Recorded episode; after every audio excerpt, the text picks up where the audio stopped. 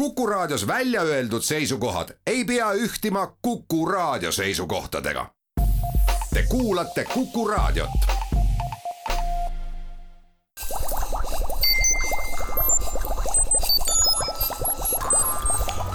kukkuv õun head Kuku kuulajad, Kuku Õun eetris. täna võtame vaatluse alla sellise valdkonna nagu majandus, mis on hoomamatu, suur, samas meid igat üht väga selgelt puudutav ja majanduse ka selles aspektis, kuidas seda tegelikult siis mõõta ja hinnata. mina olen saatejuht Marek Strandberg ja külas on mul Eesti Panga ökonomist Peeter Luikmäel. kuidas siis on selle majandusega, kui lihtne seda mõõta on ja mida me nendest mõõtmistest üldse järeldada saame ja mis peamine, mida need mõõtmised meile ennustavad no alustuseks peab ütlema, et ega majandusteadus ei ole väga vana teadus, ehk siis me peame paratamatult silmas siin ikkagi niisugust aega, kus noh, füüsika ja matemaatika olid kõik oma tegevused juba, juba päris kaugele arendanud. Ja majanduse üks paratamatus on see, et majanduse nii-öelda poliitika või majandusteaduse puhul me ei saa uue teadmise allikana kasutada eksperimenti, ehk siis noh, riigi juhtimise või riigi majanduse sättimise puhul proovida mõnda uut lähenemist ja katsetada, et ehk läheb õnneks, võib tähendada seda, et ebaõnnestumise korral võib kannatada terve, terve põlvkond, terve riik, mõnel juhul isegi kauem kui, kui, kui sajandeid kesta riigi noh, arengus mingisugune nii-öelda haigus, mis on põhjustatud ebaõnnestunud eksperimendist ja erinevalt füüsikast tegelikult või keemiast ei ole meil siis nagu eksperimenti kui uue teadmise allikat, nii et see paneb tegelikult majandusinimesed olukorda, kus nad sõidavad nii-öelda autoga, äh, mille puhul siis esiklaas on kaetud tekiga ja tahavaatepeeglitest tuleva informatsiooni abil tuleb siis navigeerida, ehk siis me saame tugen-, tugineda mineviku seoste tõlgendamisel, selle, mis minevikus juhtus, selle üldistamisel ja selle abil siis tulevikku prognoosida, aga niisuguses olukorras võib juhtuda, et tahavaatepeeglist paistab mõnikord mõni ülekäigurada, kus lebi, lebab keegi kellest me oleme kogemata üle sõitnud või, või ei paista sealt tahavaatepeeglist sugugi lähenev kurv. no Nobeli üks majanduspreemiatest vist eelmisel aastal ju antigi mille eest, eks eksperimentide eest, mida loomulikul moel majanduses ikka ette tuleb. just nimelt nendes aspektides, mida sa kirjeldad, et keegi mõtleb mingisuguse plaani välja, siis realiseerib selle ja siis nii-öelda majandusteadlastel on õnn õuel, sellepärast et katse läheb käima, läheb käima iseeneslikult ja mõõda ainult ja kirjelda, mis toimub. jah, üks võimalus, mis ongi see nii-öelda loomulik eksperiment, mis majanduses juhtub, on see, et kui kaks riiki, oletame, et Läti ja Eesti on üsna sarnased oma sissetulekutelt, oma majandusarengutelt ja üks riik teeb midagi, mida teine riik ei tee ja siis selle baasil võib võrrelda, et mida see nii-öelda erinevus majanduspoliitikas kaasa võib tuua, nii et see niisugune loomulik eksperiment on majandusteadluse, teaduse ja majandusteadlaste jaoks tõesti üks niisugune õnnelik juhus mõnel juhul see võib õnnestuda, võib tuua kaasa positiivseid arenguid, mõnel juhul negatiivseid. räägi sellest, et äh, noh, majandusteadus tundubki ju olevat selline mingi mõtte, mingi filosoofia, mingi ideoloogia rakendamine, kus tunne, et teha nii, naa või kolmandat moodi, pärineb äh, ju, nagu sa ütledki, mitte teadmisest, vaid mingist nii-öelda tundest või ettekujust. kõik, mis majanduses toimub, on suuremal või vähemal määral, ükskõik kui ratsionaalne see välja paistab, ju lõppkokkuvõttes ikkagi mingi ideoloogia rakendamine. kellelt tulusid ära võtta, kuidas tulusid ümber jagada ja sellest pärineb ju väga suur hulk majandusprotsesse. jah, noh, ütleme nii, et see ideoloo-, ideoloogia tuleneb ühtepidi siis sellest loogikast, et kui palju me peame sekkuma majandusse, ehk siis äh, üks oluline termin nii füüsikas kui ka majanduses on ju tegelikult tasakaal. ehk tasakaal on mõnes mõttes niisugune majanduse loomulik seisund, mis paratamatult tekib, kui sa ei sekku ja noh, kogu see niisugune tasakaalu käsitlus ongi meil füüsikast äh, laenatud ja, ja noh, vaieldakse võib-olla mõnes mõttes selle üle, et kas see tasakaal taastab ennast pärast šokki ise või on vaja kuidagi aidata, et noh, mõnes mõttes kui me kujutame ette, et meil on mingisugune kuul,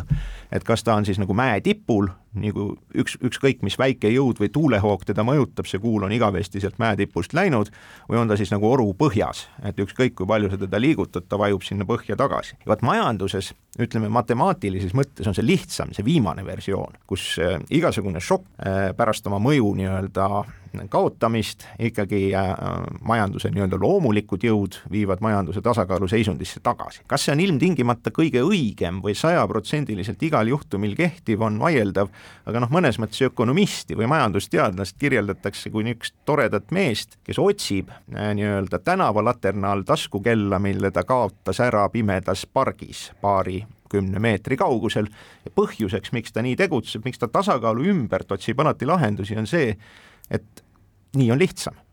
ehk siis pimedas pargis on seda kella palju raskem leida. no füüsikas või ka protsesside kirjeldamisel Ilja Prigožini poolt ja paljude teistegi füüsikute poolt sisse toodud mittetasakaaluliste protsesside termodünaamika või valdkond, mis kirjeldab väga intensiivseid ja tasakaalu olekust väga kaugel toimuvaid protsesse, on olnud üsna viljakas, väga paljudele nähtustele on saanud selle tulemusena anda seletuse ja õpitud ka asju ennustama. kas selliseid tormilisi protsesse majanduses, kus tõepoolest noh, kõik äh, lendab ja tolmab, äh, raha kaotab oma väärtust, olles peaaegu vabalangemises või muud sellist, kas neid üldse õnnestub jälgida ja neid pärast ka kuidagimoodi kirjeldada või kõik need nii-öelda äkilised muutused majanduses on ikkagi mittevõetavad kui loomulik eksperiment, aga kui pigem ikkagi kaos? no võib öelda nii, et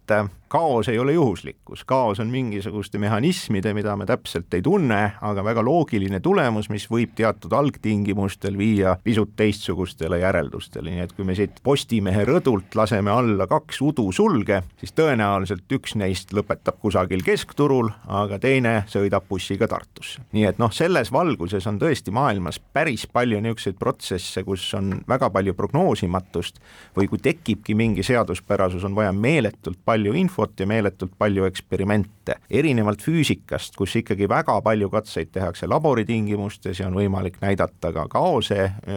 tingimustes kehtivate seoste mitmekülgsust, majanduse olukord paraku kurvem. meie ootame iga kvartal eelmise kvartali majanduskasvu numbrit ja see ei ole sugugi mitte iga sekundi järel, vaid igas kvartalis mõõdetav näitaja, me teame, et majandust äh, mõõdetakse ikkagi valdavalt agregeeritult, on olemas nii-öelda järelindikaatorid, mis kinnitavad mingeid arenguid, on olemas ühtivindikaatorid, mis langevad umbes kokku sellega, mis toimub, noh näiteks pankade bilansi või kasumiaruanded, nad ei laeku alati küll väga täpselt, samal ajal kui nad tekivad, need kasumid, aga ikkagi on mõõdetavad. Ja siis on üksikud niisugused ennakindikaatorid, mille abil tõesti võib noh, ütleme näha, mis majanduses toimuma hakkab, noh näiteks kui küsida ettevõtjatelt, kuidas läheb ja need igasugused baromeetri hinnangud aitavad siis natukene nagu seda niisugust majanduse sentimenti seada. Ja mõnes mõttes ütleme, kogu see mehhanism, mis määrab ära tulevikku, on osaliselt adekvaatsete mõõtmiste, aga teisest küljest ka niisuguste natukene spekulatiivsete, väga sageli eh, noh, väga subjektiivsete prognooside tulemus, nii et midagi nii imekaunist ja täpset nagu täppisteadustes ei ole majanduses sugugi alati võimalik mõõta.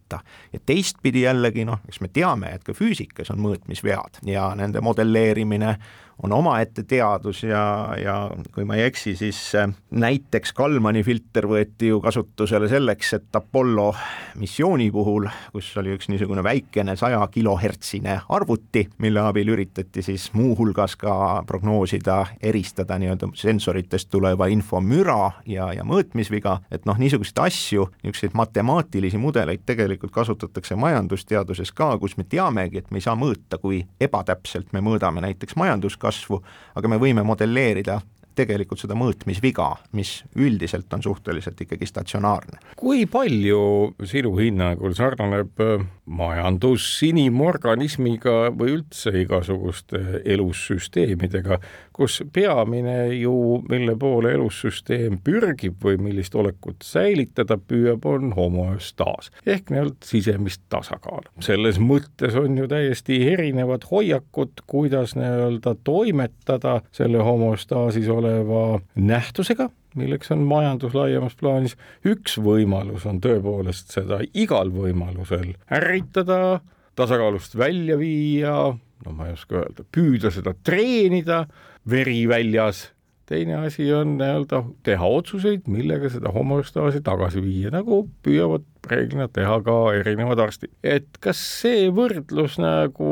annab enam-vähem pildi ette, mida majandusest mõelda saab ja kuidas seda käsitleda saab? noh, mõnes mõttes see tasakaal on ikkagi väga tore ja universaalne kontseptsioon, et kui üksikutel turgudel majanduses on tasakaalustamatus, et kusagil on midagi puudu ja kusagil on üle, näiteks nõudlus jaguneb ebaühtlaselt turgude vahel siis põhimõtteliselt tervikuna, nii nagu Valra on seda tegelikult ka kirjeldanud, on, on tegelikult tegemist vägagi suurepärase tasakaaluseisundiga ja noh, mõnes mõttes noh, mida me nagu majandusest mõistame või mida me viimase paarisaja aasta jooksul oleme aru saanud, on see, et tõesti eksisteerib teatud näitajaid,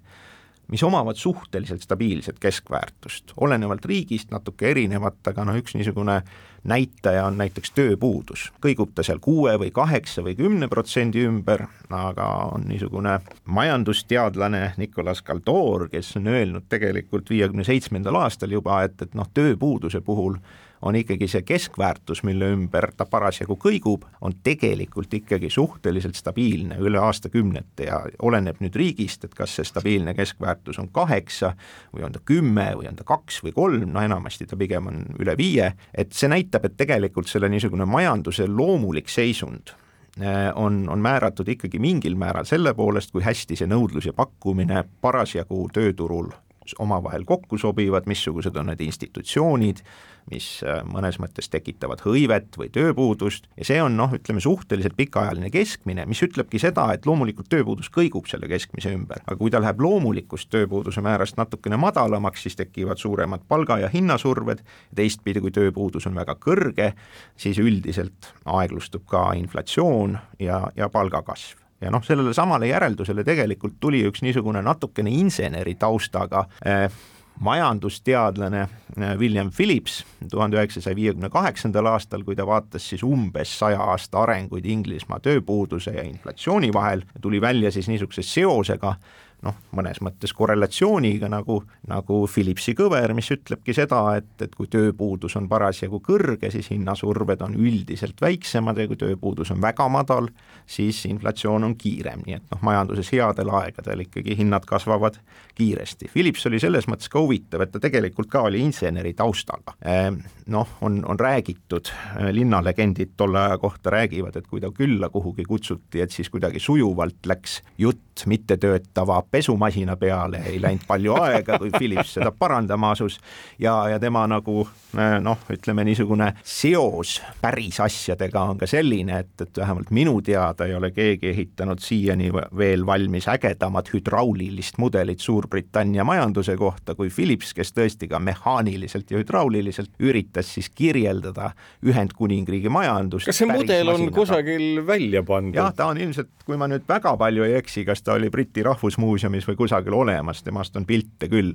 et noh, see oli tegelikult see niisugune möödunud sajandi keskpaik oli see aeg, kus see nagu füüsika ja, ja majandusteadus tegelikult ka väga lähedalt kokku said ja noh, siduvaks lüliks oli loomulikult matemaatika. tol hetkel unu-, unistati ka sellest, et kui me suudame selle majanduse lõplikult ära mõõta ja modelleerida, siis kõik hakkabki täpselt ja prognoositult tööle, nii ei läinud ja inimesed on ikka inimesed. praegu ma mõtlen seda su jutu peale tööpuuduse ja inflatsiooni seost, et äh, meil on ju täitsa uus aeg saabunud, meil on lisaks inimestele aina rohkem ja rohkem masinaid, kes ka tööd teevad ja tööd ümber jagavad kuidas selles kontekstis on mingid kontseptsioonid, mis ju iseenesest sellise rohelisema tuleviku mõttes ju igati arusaadavad, et masinad teevad rohkem töid, mismoodi inimesed ja masinad suhtestuvad ja kuidas selles kontekstis see inflatsiooni ja tööpuuduse asi võiks välja näha? tööpuuduse niisugune areng algas viimase suure finantskriisi ajal kui kaks tuhat kaheksa väga paljudes riikides oli meeletult suur, võib-olla isegi sajandi suurim majanduslangus, noh ka meie riigi majandus kukkus pooleteist aastaga peaaegu viiendiku võrra ja siis avastati üks niisugune huvitav asi, et äh, arvestades selle majanduslanguse sügavust, tööpuudus reageeris vähem, ehk siis tööpuudus küll tõusis, aga mitte nii palju kui, kui keskmiselt väiksemate languste põhjal kalkuleerituna kokku. ja millest see tuli? see tuli suurel määral sellest, et tegelikult juba enne finantskriisi hakkasid tasapisi need töövormid muutuma, näiteks avastati Hollandis, et äh, neil on väga palju väikeettevõtjaid, palju rohkem kui kunagi varem. Ja väikeettevõtja definitsiooni kohaselt ei ole töötu ta kas täidab tellimusi või otsib neid ja, ja te, samamoodi on ka sellega, et noh, see tööaeg on muutunud väga paindlikuks, ehk siis meil võivad olla inimesed, kes käivad tööl, aga sugugi mitte enam täiskoormusega. ehk siis eksisteerib niisugune mõiste nagu vaeghõive, ehk inimene jääb küll tööle, aga väiksema koormusega, kas oma valikute või, või tööandja äh, käekäigu tõttu ja seetõttu see tööpuudus enam ei kajasta päris olukorda, ehk siis töötundides väga sageli on langus suurem kui hõives. ja noh, niisuguses olukorras äh, midagi pole teha, omajagu on kaasa aidanud ka igasugune automatiseerimine,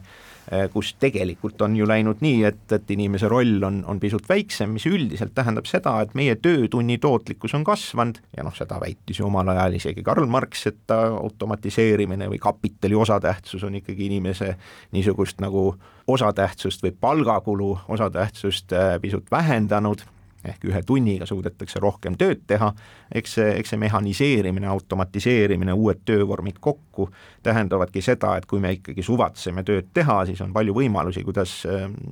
nii-öelda paremini toime tulla, ehk siis tootlikumalt oma aega kasutada. kui inimene näeb täna teed mööda muravat Starshipi vilkuva lipuga pakirobotit, kas ta peab selle peale vaatama kui võimaliku inflatsiooni ja tekitaja peale või tööpuuduse tekitaja peale või kuidas sellesse üldse suhtuda, noh, tavaliselt inimesed suhtuvad üsna rahulikult, mingit agressiooni, nii nagu üheksateistkümnendal sajandil masina purustamine välja nägi, pole juhtunud, aga mis on sellise automatiseeritud töö tähendus? noh, sisuliselt on tõesti nii, et, et kui esimene niisugune no ütleme, majandusteaduses on olnud aegu, kus mudelid iseenesest on justkui öelnud väga kummalisi asju, näiteks äh, merkantilistid väitsid, et meie parim viis nii-öelda rikkust, äh,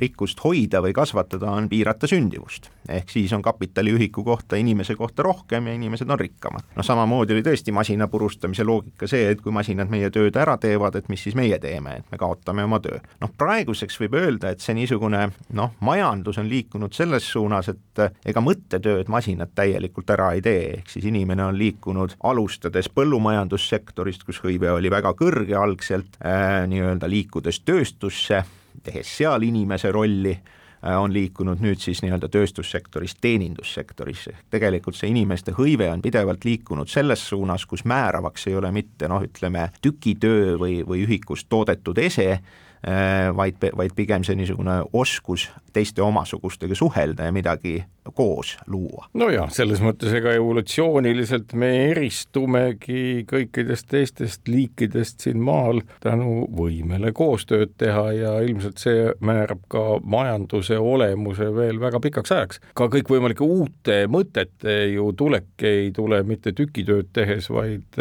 pigem suheldes või molutades, millist võimalust, ma saan aru, meie uued majandusvormid aina rohkem ja rohkem pakuvad üks asi on inimeste vahelised suhted, äh, sünergia, mis tekib, mõnel juhul ka võib-olla konflikt sellest kõigest, aga teine asi on ressursside mõistlik jaotus. Ja, ja vot see on see rahvusvahelise kaubanduse alus, ehk tegelikult me oleme näinud seda globaliseerumist, mis tegelikult hoidis äh, ilmselt kaheksakümnendatest aastatest kuni sajandivahetuseni inflatsiooni kontrolli all, ehk tegelikult meil ikkagi impordihinnad väga paljudel juhtudel langesid küllaltki, küllaltki muljetavaldavalt seoses sellega, et tootmist viidi riikidesse, kus tööjõud oli odavam, aga samal ajal toimus nagu kaks protsessi. Üks neist oli see, et, et muidu stabiilne maailmamajandus, kus ikkagi domineerivaks ehk üle poole moodustanud nii-öelda majanduse mahust üleilmselt olid niisugused stabiilsed lääneriigid äh,, sisuliselt võib öelda, et kuskil pisut enne finantskriisi või umbes selle ajal tegelikult kasvas nende ebastabiilsete arenevate riikide osatähtsus üle poole. ehk siis, ehk siis tänaseks on, on nii, et, et need oma olemuselt veel kiirelt arenevad, kiirelt kasvavad, aga ka ebastabiilsemad riigid on hakanud kujundama niisugust üleilmse kasvu dünaamikat ja seetõttu ka tegelikult avaldavad olulisemat mõju toormehindadele, nii et noh, näiteks nafta hinna puhul me ei saa enam lähtuda sellest, et kui lääneriikidel läheb kehvasti, et siis nafta hind on parasjagu odavam, sest äh, seda noh, nii-öelda nõudluse kasv arenevatel turgudel, seda nõudluse langust nii-öelda rikastest riikidest hakkab nagu tasakaalustama, et see on üks asi, et ebastabiilsus on nii-öelda moodi läinud ja, ja tegelikult trende kujundav arenevate riikide ebastabiilsus. ja noh, teine asi, mis on nüüd tulnud tõesti võib-olla viimaste aastate jooksul järjest rohkem, on see deglobaliseerumine. et alati ei ole oluline mitte hind tootel, vaid see, et sa ikkagi iga ilmaga saaksid seda toodet nii-öelda osta kelleltki ja see tähendab, et noh, paljuski tootmine läheb lokaalsemaks ja no niisugune autonoomia, olgu ta strateegiline või taktikaline, hakkab järjest suuremat tähendust omama, ehk siis need mittehinnalised konkurentsitegurid, paindlikkus, tarnekiirus ja kõik muu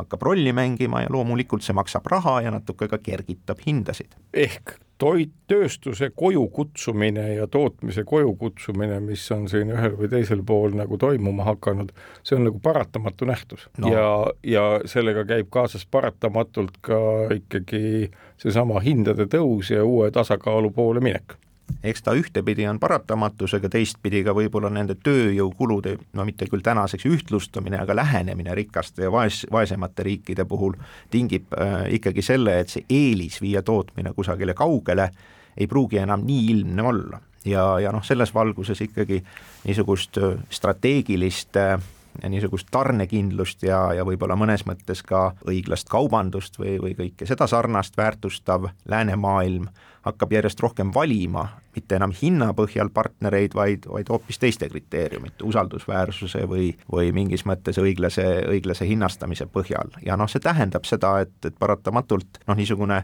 vaikne, aga, aga määrav hinnatõus on ikkagi lähematesse kümnendisse ikkagi sisse programmeeritud, mis on vastupidine sellele, mida globaliseerumine nii-öelda hinnasurvete languse näol eelnevatel kümnenditel kaasa tõi. kiire küsimus siia selle saateosa lõppu ossa, et äh, asjaolu, et euro väärtus dollari suhtes on langema hakanud, kas see tähendab seda või võib tähendada seda, on ilmselt õigem küsida, et äh, nii Ameerikas kui Euroopas toimuv täpselt samasugune nii-öelda tööstuse koju toomine ja muude väärtuste oluliseks tõstmine toimub siis Ameerikas efektiivsemalt või? noh, ühtepidi võib öelda, et selle põhjuseks on ikkagi täna suhteliselt märkimisväärne intressierinevus, ehk siis dollari eest saab üle kahe protsendipunkti rohkem intressi kui, kui euro eest täna ja noh, mõnes mõttes see euro ja dollari kurss ongi kõikunud kuskil null koma kaheksa ja ühe koma kahe vahel, isegi kõrgemal on ta olnud ju tegelikult kuni ühe koma kuueni peaaegu dollarit ühe euro eest, noh sellesse vahetuskursi dünaamikasse tasub suhtuda milles, kui millessegi, mis on väga paljude tegurite koosmõju ja vahetuskursside prognoosimine nii-öelda majandusteooria abil on üks keerulisemaid ülesandeid, eriti kui see puudutab lühikest perioodi. kusagil seal pariteedi ümber ilmselt leiab euro ja dollar ennast ka, ka lähematel kümnenditel, et need riigid ei ole nii erinevad, aga neil on õige pisut erinev ajastus, kuidas majandus nii-öelda reageerib šokkidele. aeg on majandusprotsesside puhul väga fundamentaalse tähendusega mis on ennem, mis on pärast, mis põhjustab, mis on vaadeldav järgnevalt, aga mis ei ole põhjustaja, need asjad on üsna keerukad, nii nagu mis iganes muude nähtuste mõõtmisel. jah, see on paratamatus, et äh, pärast seda, kui ökonomistid ja, ja tegelikult ka paljud statistikud vaimustusid korrelatsioonist, siis äh, läks paratamatult nii, et leiti uskumatult häid seoseid, mis matemaatiliselt justkui kehtisid ja mida hakati tõlgendama põhjuslikena. aga sellest räägime juba oma saate järgmises osas ja praegu teeme väikese vaheaja. kukkuv õun head Kuku kuulajad, Kuku Õun jätkub stuudios saatejuht Marek Strandberg ja külalisena Eesti Panga ökonomist Peeter Luik. meil jõudsime just äh, olulise osani, nimelt selleni, kuidas seepärast ja pärast seda ei pruugi olla üldse üks ja seesama. pärast seda võib paista väga palju asju, mida sa ka mainisid, et matemaatilised korrelatsioonid võivad olla perfektsed aga paraku nende taga ei pruugi olla mingit põhjuslikku seost. kuidas seda kindlaks teha? noh, sellega on nüüd niisugune lugu. mis et... ma pean silmas just majanduses, noh muudes teadusvaldkondades on teada, kuidas see kindlaks tehakse. katsega majanduses me seda teha ei saa. majanduses me ei saa katsetada, et kontrollida, kas see eelmine kord nii-öelda kehtinud seaduspärasus kehtib ka nüüd, ehk siis kui me näiteks äh, tekitame meeletu riigivõla ja riik läheb pankrotti, et äh, kui me järgmine kord sama proovime, et või mõne teise riigiga proovime, et kas läheb samamoodi, üldiselt need eksperimendid oleks väga fataalse tagajärjega. aga tõsi on see, et äh, me oleme laenanud korrelatsiooni mõiste ja, ja tegelikult ka äh, niisuguse lihtsa lineaarse regressiooni mõiste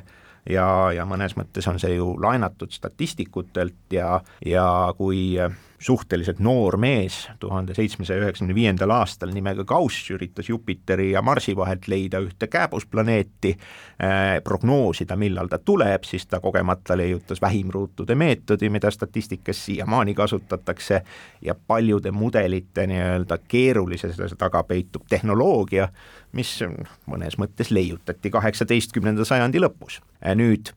mis on probleem, on see, et liiga sageli me valime näitajad, mis samal ajal toimuvad. Ja, ja, ja se-, seostame neid põhjuslikkusega. Ja noh, siin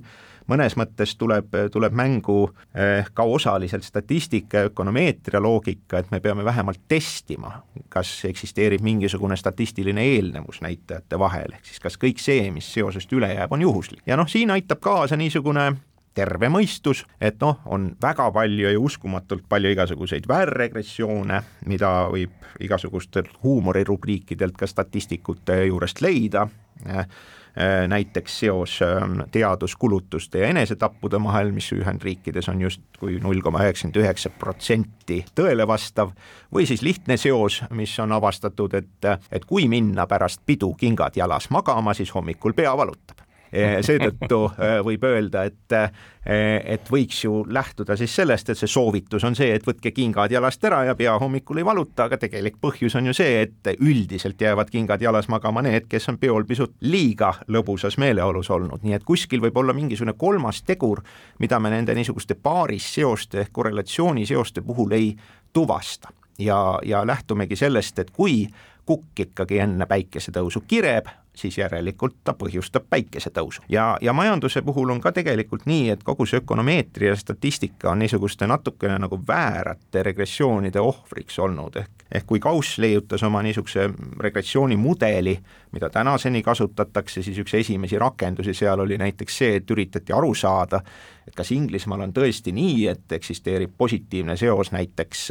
vaeste majade arvu ja vaeste vahel. Ja, ja noh, sellest võis ka järeldada umbes nii, et kui sa suurendad nii-öelda kulutusi vaeste toetamiseks, siis vaeseid tuleb juurde. lammutatagu kõik vaeste majad ära ja, ja ühiskond saab rikkamaks aga päris nii lihtne see asi ei ole. ja, ja noh, mõnes mõttes nüüd kuskil siin niimoodi seitsmekümnendatel aastatel hakati seda asja natuke uurima, et okei okay,, et meil on olemas teooria, ehk siis talupojamõistus, mis ütleb, kuidas asjad omavahel loogiliselt võiksid, võiksid seostuda, aga teistpidi noh, kuidas seda siis nagu noh, nii-öelda statistiliselt mõõta. ja, ja noh, väga-väga lihtsalt öeldes äh,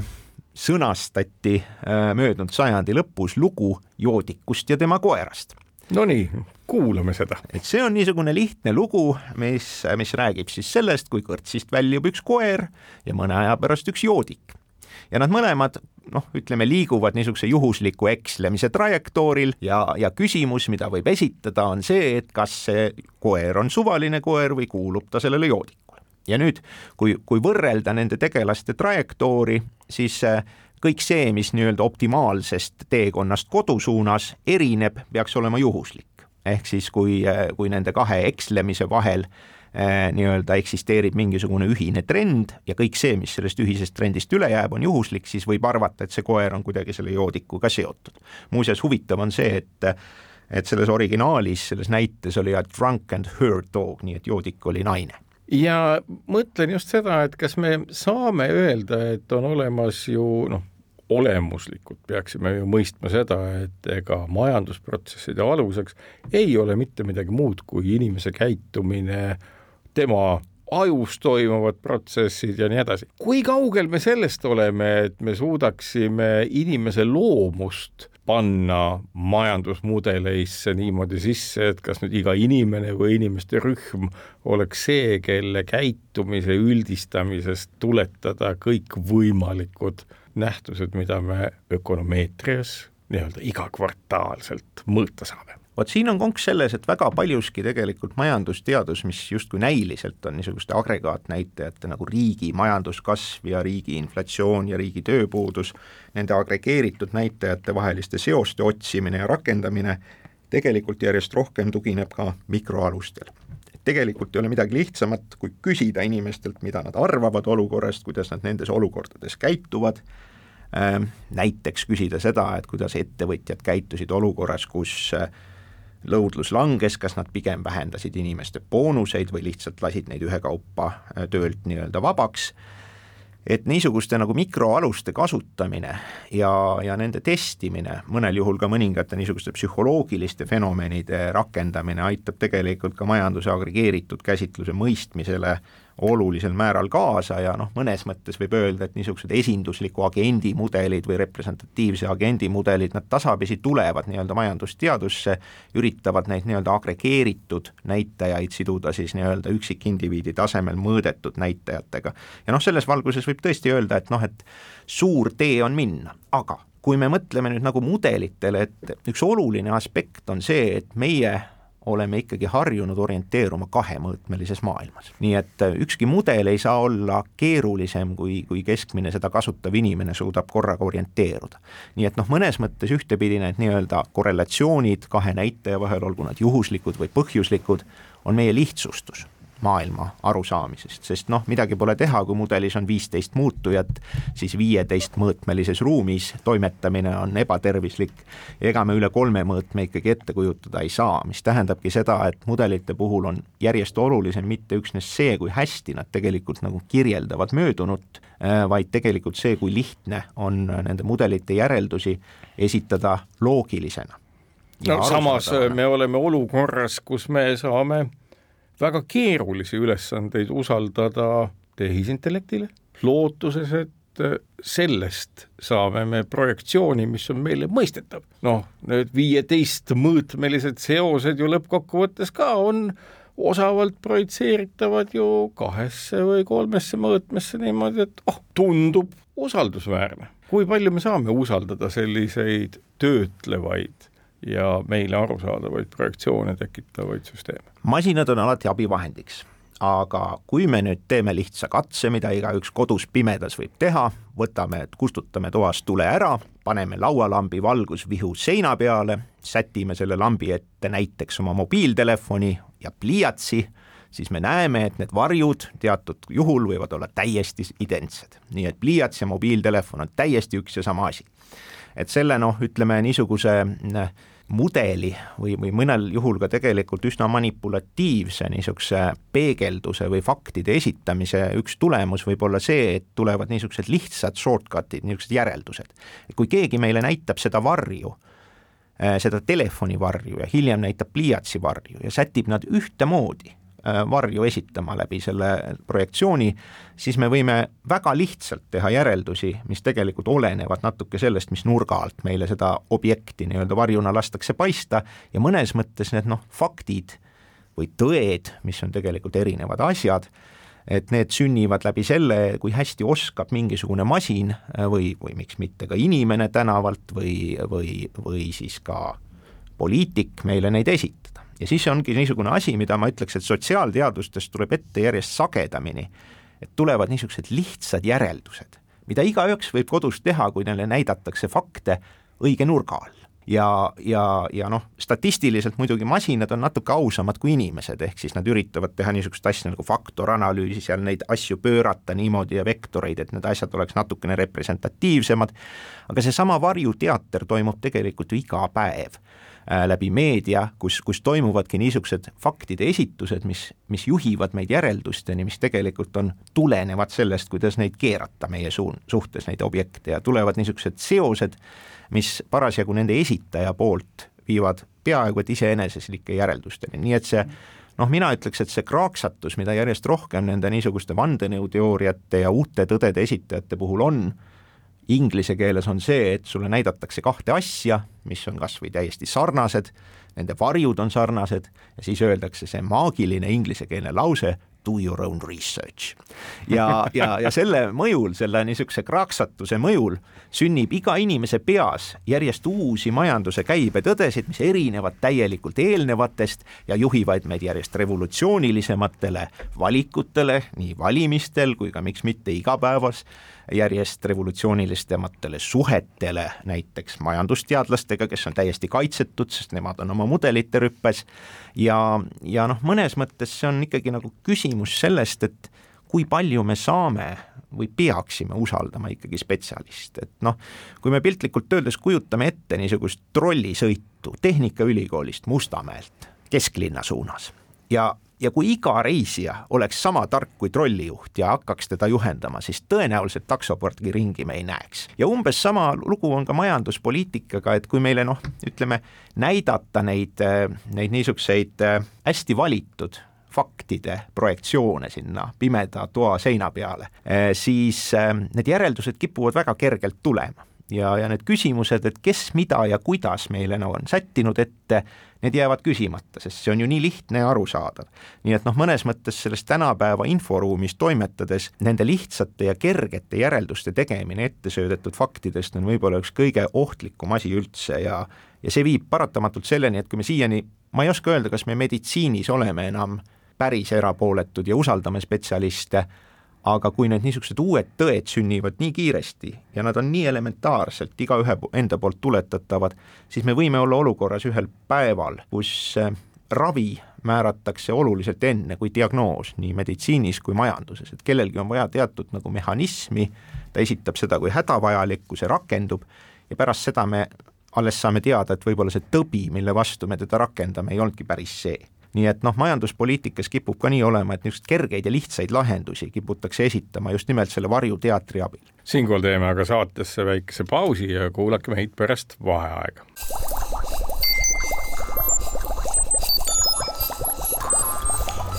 kukkuv õun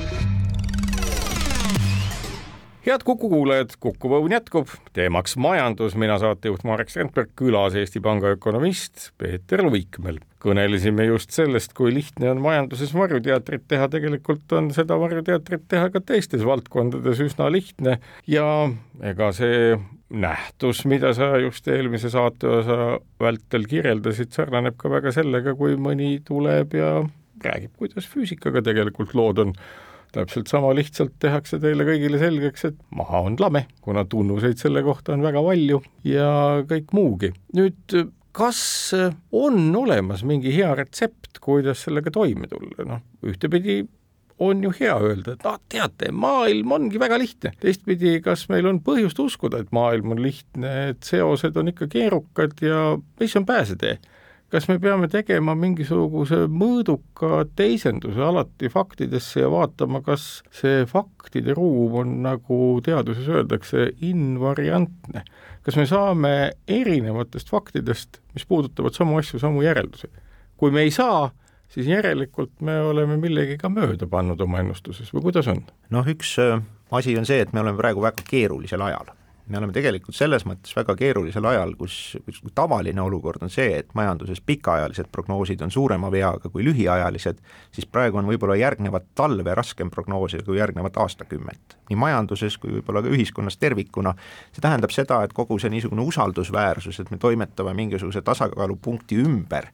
et see on nagu vähenenud aga teistpidi noh, see toidab ka kõikvõimalikke uusi tõdesid sellest, kuidas majandus peaks toimima, aga teistpidi noh, see toimetulek selles olukorras peaks olema ikkagi see, et teatud baasseosed ikkagi kehtivad. Ja kui nad ei kehti nagu täna-homme, kui eksisteeribki tasakaalust suuremaid kõrvalekaldeid, mis võivad kesta isegi võib-olla kuid või aasta, siis tegelikult on ikkagi teatud niisugune mõistlik seisund majanduses olemas, mis võib-olla ei erine nii meeletult palju sellest, mis oli enne kriisi,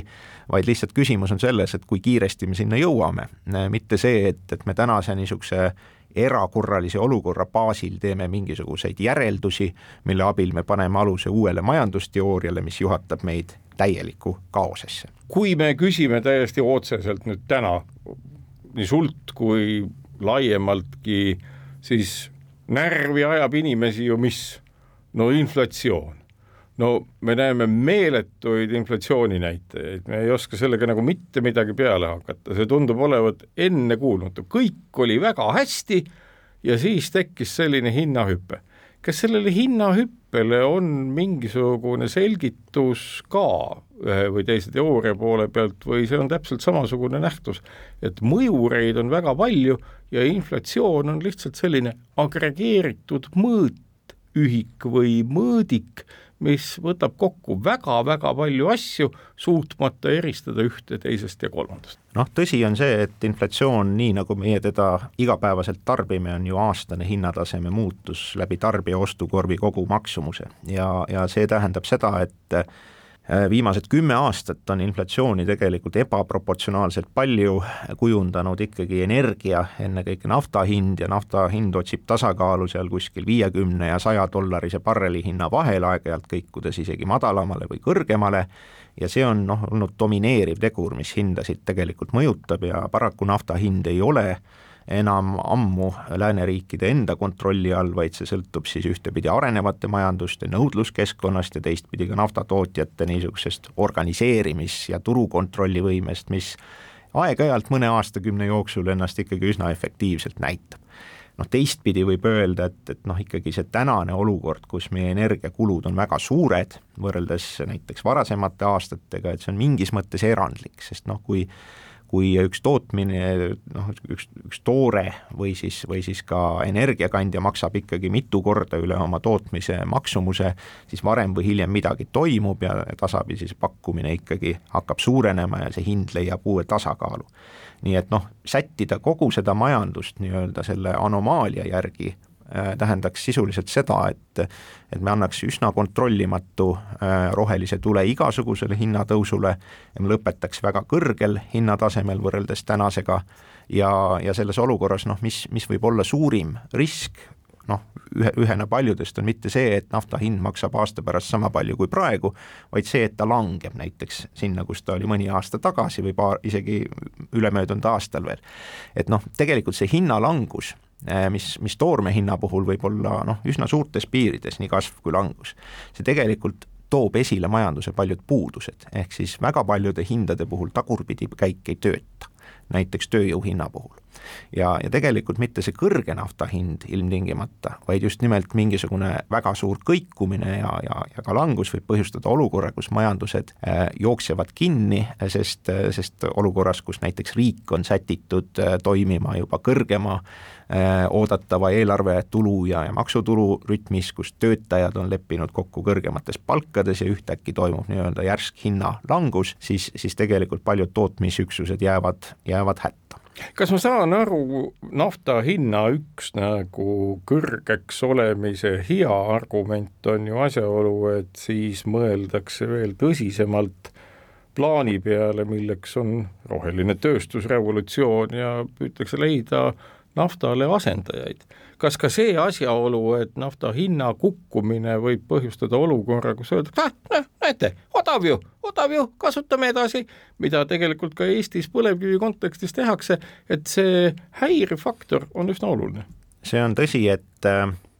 ei ole kindel, kas sellest nafta hinna kõrgkonjunktuurist piisab, et kiirendada rohepööret, aga mingil määral kindlasti positiivne see on, aga riigid on rakendanud ka erinevad taktikad, kuidas seda lühiajalist niisugust raskust äh, tarbijatele kompenseerida, üks viis on jätta hind samale tasemele, kus ta täna on, kõrgele tasemele ja, ja toetada neid, kellel on kõige rohkem nii-öelda, eh, keda on kõige rohkem tarvis toetada, mis tähendab, et hinnasignaal jääb majandusse alles, teine võimalus on siis nudida see hind madalamaks kõigi jaoks ja seeläbi siis nagu mõnes mõttes säästa kogu majandust, aga teistpidi siis ka aeglustada rohepööret. et siin ei ole nagu ühtset tõde ja, ja ei ole ka ühtset nagu lähenemist Euroopas, kuidas seda siis lõpuks tehakse ehk me oleme jätkuvalt olukorras, kus äh, kahjuks on erinevaid tõdesid majanduse kohta võimalik äh, nii palju näidata, mismoodi tunneb ennast ökonomist sellises olukorras. haarab peast, satub masendusse või jätkab rahulikult oma argumentide esitamist ja sellist analüüsi, kus kõikvõimalik varjuteater on välja tahandatud no üks asi on see, et ei ole makroökonomist huvitavam olla kui niisugusel ajal, kui ühiskonnal on parasjagu majanduses raske. Teistpidi noh, loomulikult tuleb ilmselt lähtuda sellest, nendest tõekspidamistest ja loogikast, mis äh, ikkagi pikal perioodil paratamatult paika peab, et kui nõudlus kasvab, siis hinnad tõusevad, kui raha inimestele rohkem anda, siis nõudlus tegelikult tõuseb, midagi pole teha, ja hinnad ka tõusevad ja vastupidi, et noh, niisugused loodusseadused ikkagi, mis majanduses on viimase paarisaja aasta jooksul leitud, nad noh, mingil määral on muidugi sotsiaalteaduste puhul alati vaieldavad, aga noh, elu on näidanud, et nad ühel või teisel moel ikkagi pikal perioodil paika peavad, nii et ökonomist ikkagi mingis mõttes, see on igav öelda, aga haarab äh, käe nende raamatute üle, mis on juba kirjutatud, vaatab kriitilise pilguga üle need tõed ja, ja seosed pisut uuendab neid, aga noh, ei põleta oma raamaturiiulit päevapealt ära sellepärast, et parasjagu on imelikud ajad. aitäh, Peeter Luik veel tulemast Kuku Õuna saatesse kõnelemaks majandusest, millest loodetavalt kuulaja ka palju uut või ka vana meelde tuletatud teada sai. sellega on Kuku Õunu saade läbi, kuulake meid jälle nädala pärast ja kaunist päeva teile. kukk